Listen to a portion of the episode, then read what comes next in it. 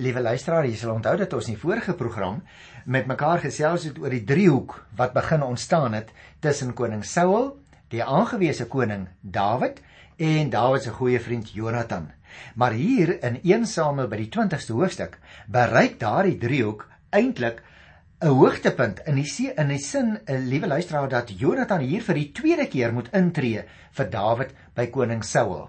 Jy sal onthou hierdie driehoeksverhouding bereik 'n hoogtepunt juis omdat uh, Saul sy afkeer van Dawid duidelik wys. En Jonathan kom nou weer 'n keer openlik na vore deur te wys dat sy keuse ten gunste van Dawid uitval. Met ander woorde in 'n sekere sin draai Jonathan hier teen sy pa. Hoekom?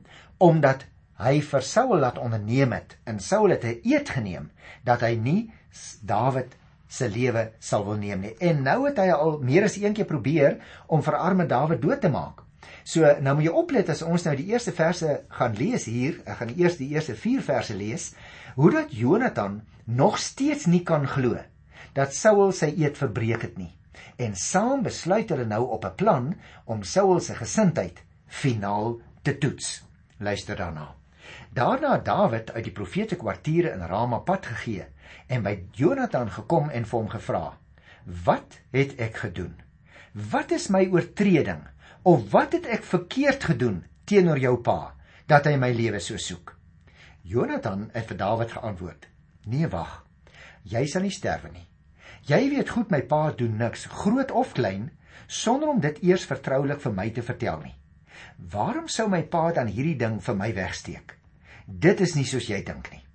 Dawid het toe vir Jonathan met 'n eed verseker: "Jou pa weet baie goed dat jy van my hou." En hy het gedink Jonathan mag dit nie weet nie, sodat hy nie sleg voel nie. Maar so seker as die Here leef en so seker as jy leef Jonathan, daar is maar net een tree tussen my en die dood. En Jonathan sê vir Dawid: Ek sal vir jou doen net wat jy wil hê. Nou hier kom 'n paar interessante dinge na vore, liewe luisteraars, want as 'n mens die eerste vers lees, dan kom jy agter Dawid besef hy stel die profete waar hy daar woon onder hulle in gevaar en daarom verlaat hy hulle nou van Jonathan, sy goeie vriend, wil hy nou gaan weet toe hy by hom kom. Waarom Saul die koning dan optree? Soos wat hy gedoen het en wat ons ook gelees het in die vorige program Hosea 19, toe Saul probeer het om vir Dawid nog 'n keer dood te maak. In die tweede vers waar ons nou lees van Jonathan wat dan nou sy vriend Dawid antwoord en sê nee wag, jy sal nie sterwe nie uh, uh sien ons baie duidelik hoe dat Jonathan vir Dawid verseker dat alles in orde is. Hy sê ook groot of klein is die uitdrukking wat hy gebruik wat eintlik net 'n beklemtoning is van my pa sê niks en hy doen ook niks as hy nie eers vir my daaromtrent inlig nie. Dit is dus die indruk wat hy uit sy gesprek met sy pa het volgens Hosea 19 vers 4 tot 6 wat ons verlede keer gelees het. Maar As ons nou die 3de vers weer bekyk, Dawid het toe vir Jonathan met 'n eed verseker: "Jou pa weet baie goed dat jy van my hou, my dink." Jonathan mag dit nie weet nie. So sê Dawid nou vir Jonathan.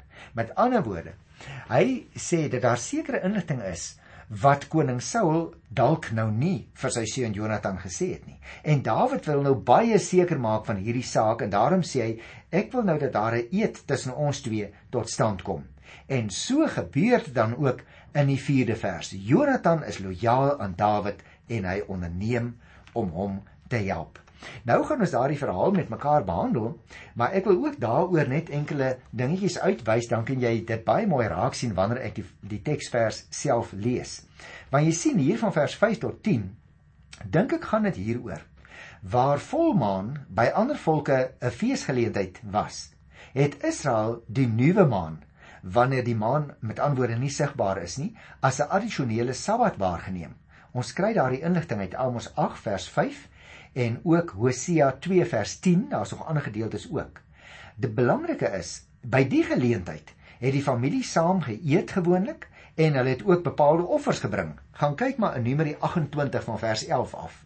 Nou hierdie godsdienstige fees, liewe luisteraars, sou 'n goeie toetsgeleentheid wees vir hierdie verhouding tussen Dawid en Jonathan. So kom ons lees nou vers 5 tot by vers 7. Dawid sê toe vir Jonathan: "Môre is dit nuwe maan en ek moet saam met die koning aansit om te eet. Maar laat my gaan dat ek in die veld kan wegkruip tot die derde aand. As jou pa uitdruklik na my vra, moet jy wat Jonathan is sê, Dawid het my dringend verlof gevra om gou na sy stad Bethlehem toe te gaan, want die hele familie se jaarlikse offer vind daar plaas. As hy sou sê, "Goed, dan is ek veilig." Maar as die koning baie kwaad sou word, weet dan beslis dat hy klaar besluit het om my dood te maak. Liewe luisteraar, ek dink wat ons hier moet oplet is dat met die nuwe maansfees eet die familie saam, soos ek nou nog vir jou verduidelik het. Nou Dawid moet dus ook by sy familie wees. En hulle sal maak dan hy wat Jonathan en Dawid is of Dawid weg is na Bethlehem toe daar waar hy vandaan kom en sy hele familie gewoonlik saam die jaarlikse offer bring. Nou natuurlik is dit 'n baie goeie verskoning. En Saul se reaksie sal dan vir hulle twee 'n teken wees oor wat daar in die koning se hart omgaan. Vers 8 sê: Hy het my met verbond van die Here aan jou verbind. Toon jou trou aan my en as ek skuldig is, maak jy my dan dood.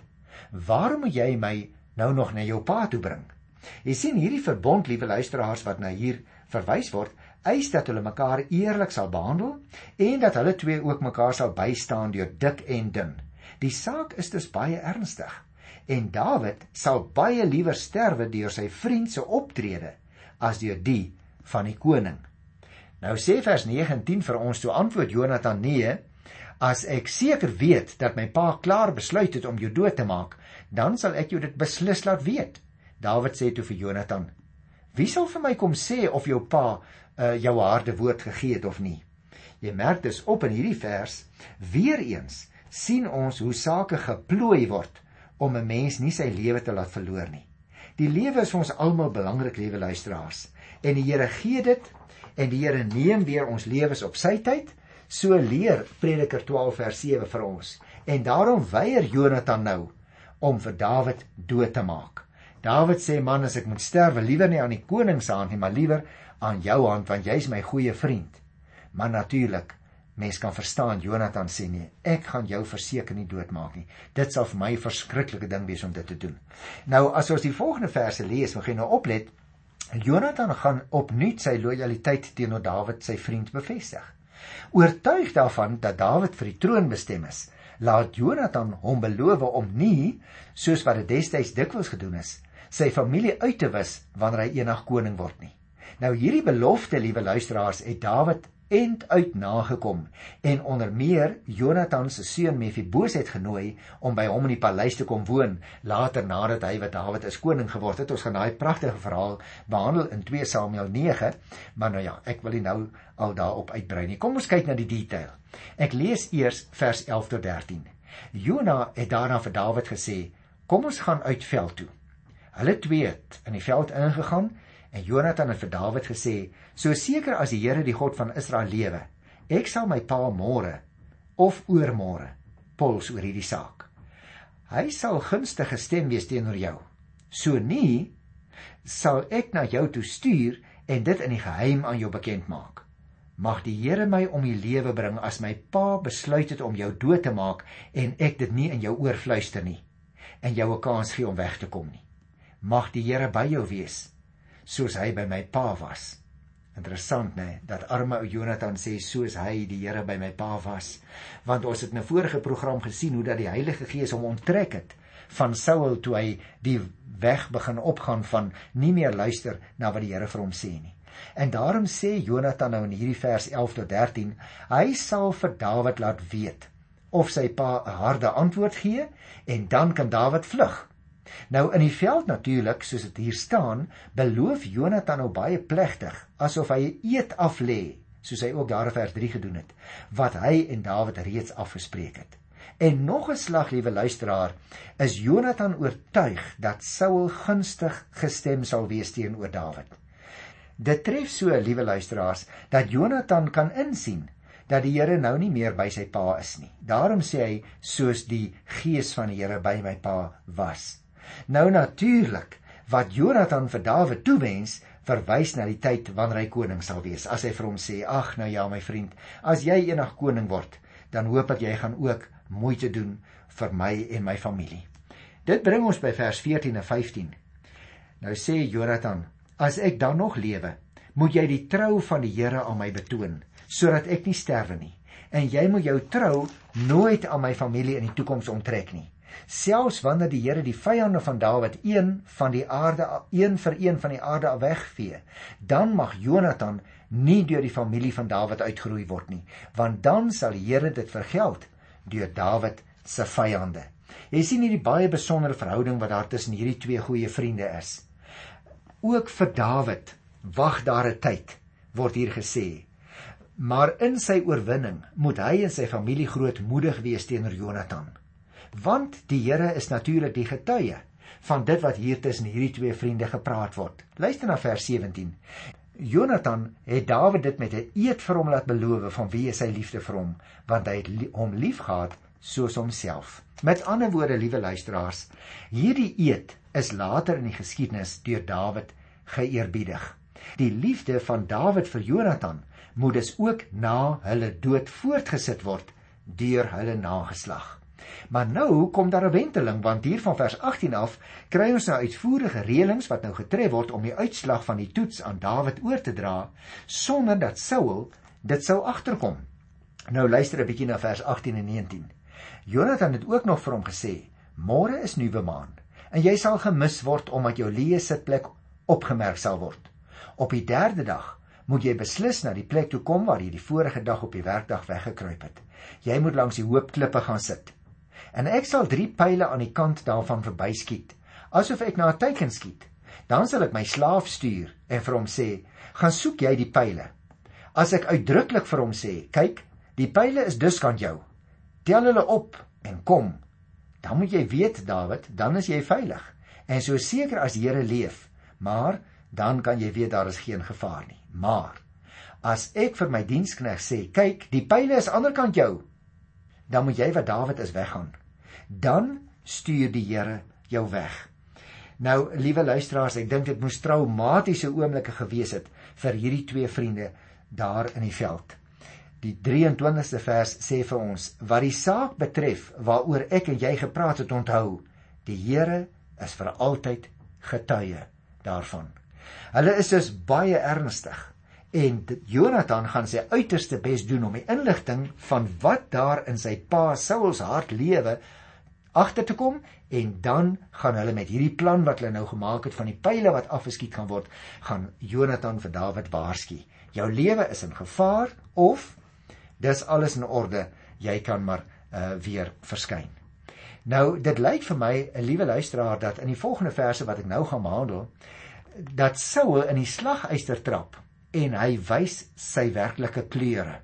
Nie alleen skel hy vir Jonathan uit nie, maar hy probeer ook om sy eie seun Jonathan dood te maak. En dan met 'n skok besef Jonathan dat Saul finaal besluit het om Dawid uit die weg te ruim. En dit laat hom dan uiteindelik geen ander keuse nie as om sy afkeer daaraan te toon deur nie verder aan die familiefees deel te neem nie. Kom ons lees nou so 'n stukkie daarvan. Hier dit is hier by 1 Samuel, eh, die 20ste hoofstuk by vers 24. Dawid het toe in die veld weggekruip. Met nuwe maan het die koning by die maaltyd aangesit en hy het soos gewoonlik op sy plek teen die muur gaan sit. Jonathan het reg teenoor sy pa gaan sit en Abner ook langs Saul. Dawid se plek was leeg. Maar op daardie dag het Saul niks gesê nie, want hy het gedink daar moes iets gebeur het. Dalk is hy nie rein nie. Hy mag dalk nie aan die tafel kom sit nie. Die volgende dag van die nuwe maand, die tweede dag, is Dawid se leë plek weer 'n keer opgemerk. En toe vra hy vir sy seun Jonathan: "Waarom het die seun van Isaai gister en vandag nie na die maaltyd toe gekom nie?" Maar Jonathan het vir Saul geantwoord. U moet nou mooi luister luisteraars. Hy sê vir sy pa: "Dawid het my dringend verlof gevra om na Bethlehem toe te gaan. Hy het gesê: "Laat my tog gaan asseblief, want ons het 'n groot familieoffer wat ons in die stad daar by Bethlehem moet gaan bring." My broer het myself laat roep. Nou sê vers 30.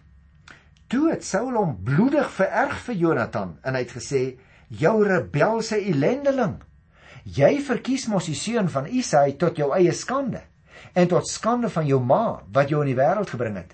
Solank die seun van Isaai op hierdie aarde lewe, sal daar nie plek wees vir jou en jou koningskap nie. Stuur. Bring hom na my toe. Hy moet dood. Nou liewe luisteraar, hier kry ons nou juis die nuus uit Saul se eie mond wat Jonathan sy seun natuurlik nie graag wou gehoor het nie. Want dit is nou baie duidelik dat Saul beplan om vir Dawid te laat doodmaak.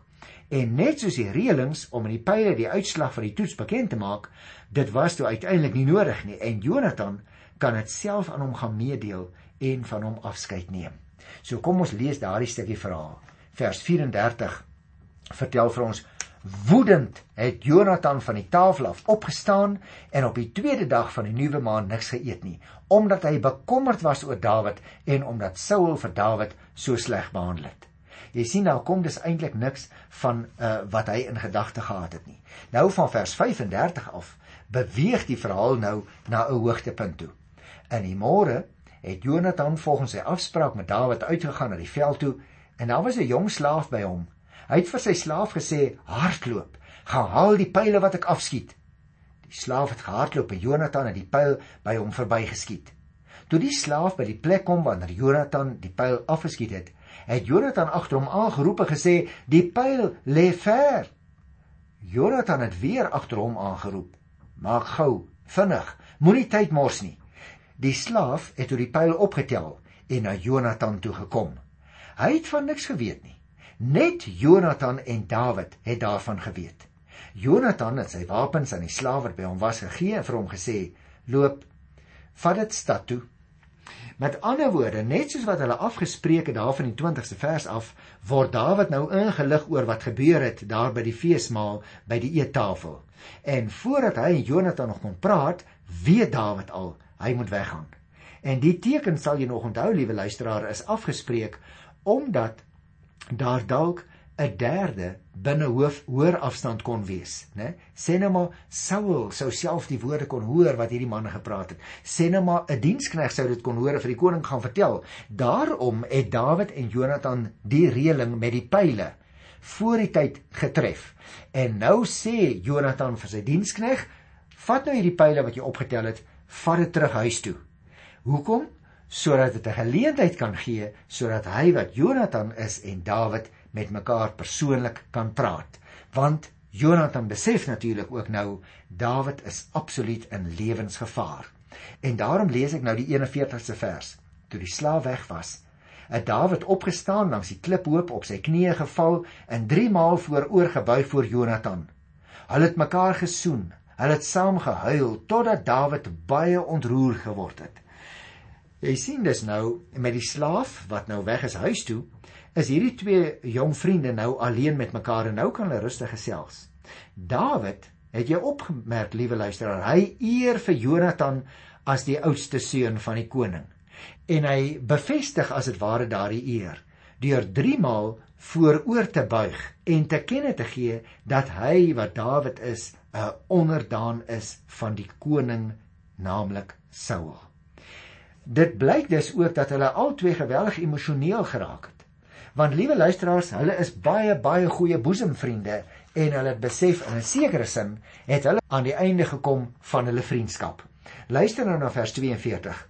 Jonathan het toe vir Dawid gesê: "Gaan in vrede, omdat ons twee in die naam van die Here trou gesweer het aan mekaar en gesê het: Die Here is vir altyd daarvan getuie tussen ons en tussen ons twee se nageslagte." Hulle skei dus, liewe luisteraars, in vrede en herbevestig van weerskante die een teenoor die ander die verbond wat daar tussen hulle bestaan wat hulle net 'n paar dae van tevore gesluit het met die beklemtoning van die feit dat die Here die getuie is van hierdie verbond. Nou ons het gelees van die sluiting van daardie verbond in vers 13 tot 15.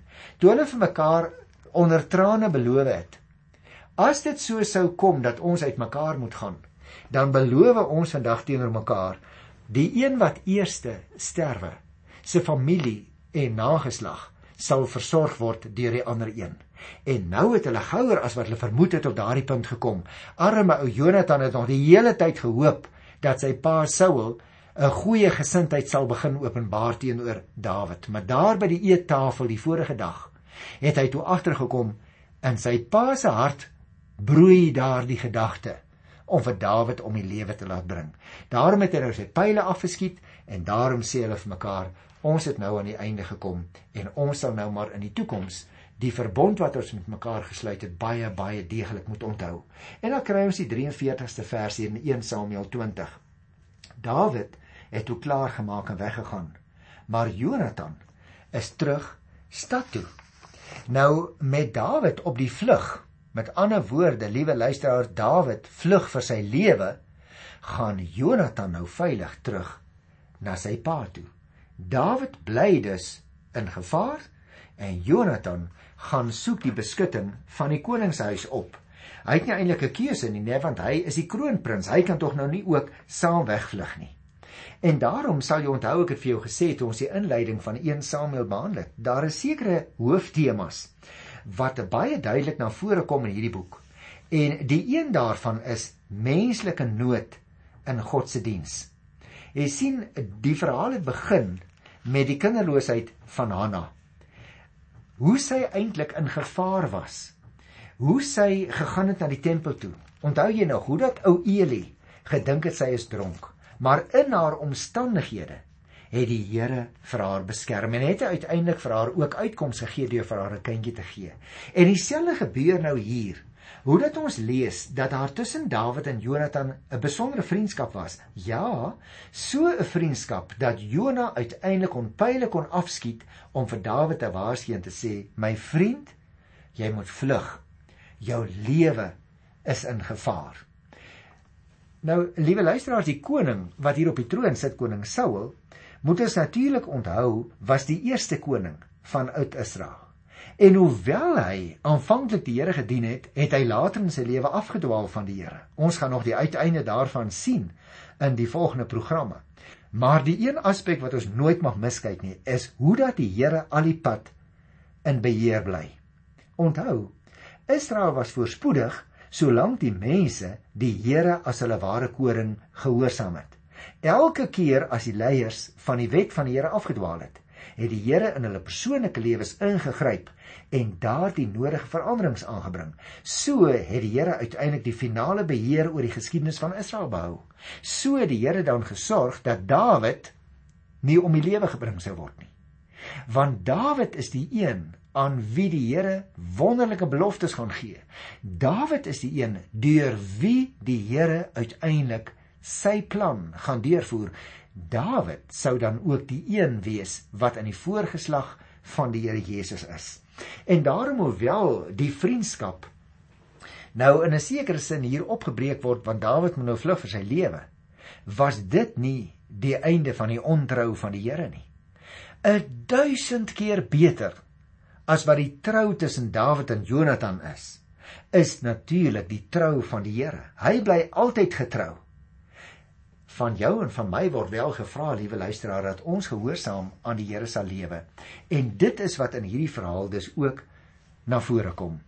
Dawid is gehoorsaam aan die onderneming teenoor Jonathan en Jonathan bly gehoorsaam aan die onderneming wat hy gegee het aan sy goeie vriend Dawid. Daarom moet ons onthou, liewe luisteraar, daardie teks wat ons so 'n paar programme van tevore gelees het in 1 Samuel 15 vers 22 dat gehoorsaamheid vir die Here beter is as offerande. Want jy sien, 'n offer kan 'n blote afkoophandeling wees vir sommige mense, terwyl gehoorsaamheid voortvloei uit 'n bepaalde houding, 'n bepaalde lewenshouding wat 'n mens ingeneem het. Dikwels is dit baie makliker om iets prys te gee as om gehoorsaam te wees. Want ons moet nooit vergeet nie, gehoorsaamheid impliseer vertroue in God en prysgawe van jouself. En dit is wat ons hier sien. Jonathan kon daarop aanspraak maak om te sê ek wil die nuwe koning wees. Maar hy is bereid om as 'n ware te abdikeer om van die koningskap wat hy dan nooit sou hê nie, om van daardie koningskap afstand te doen omdat hy agterkom die Here is nie meer met sy pa nie.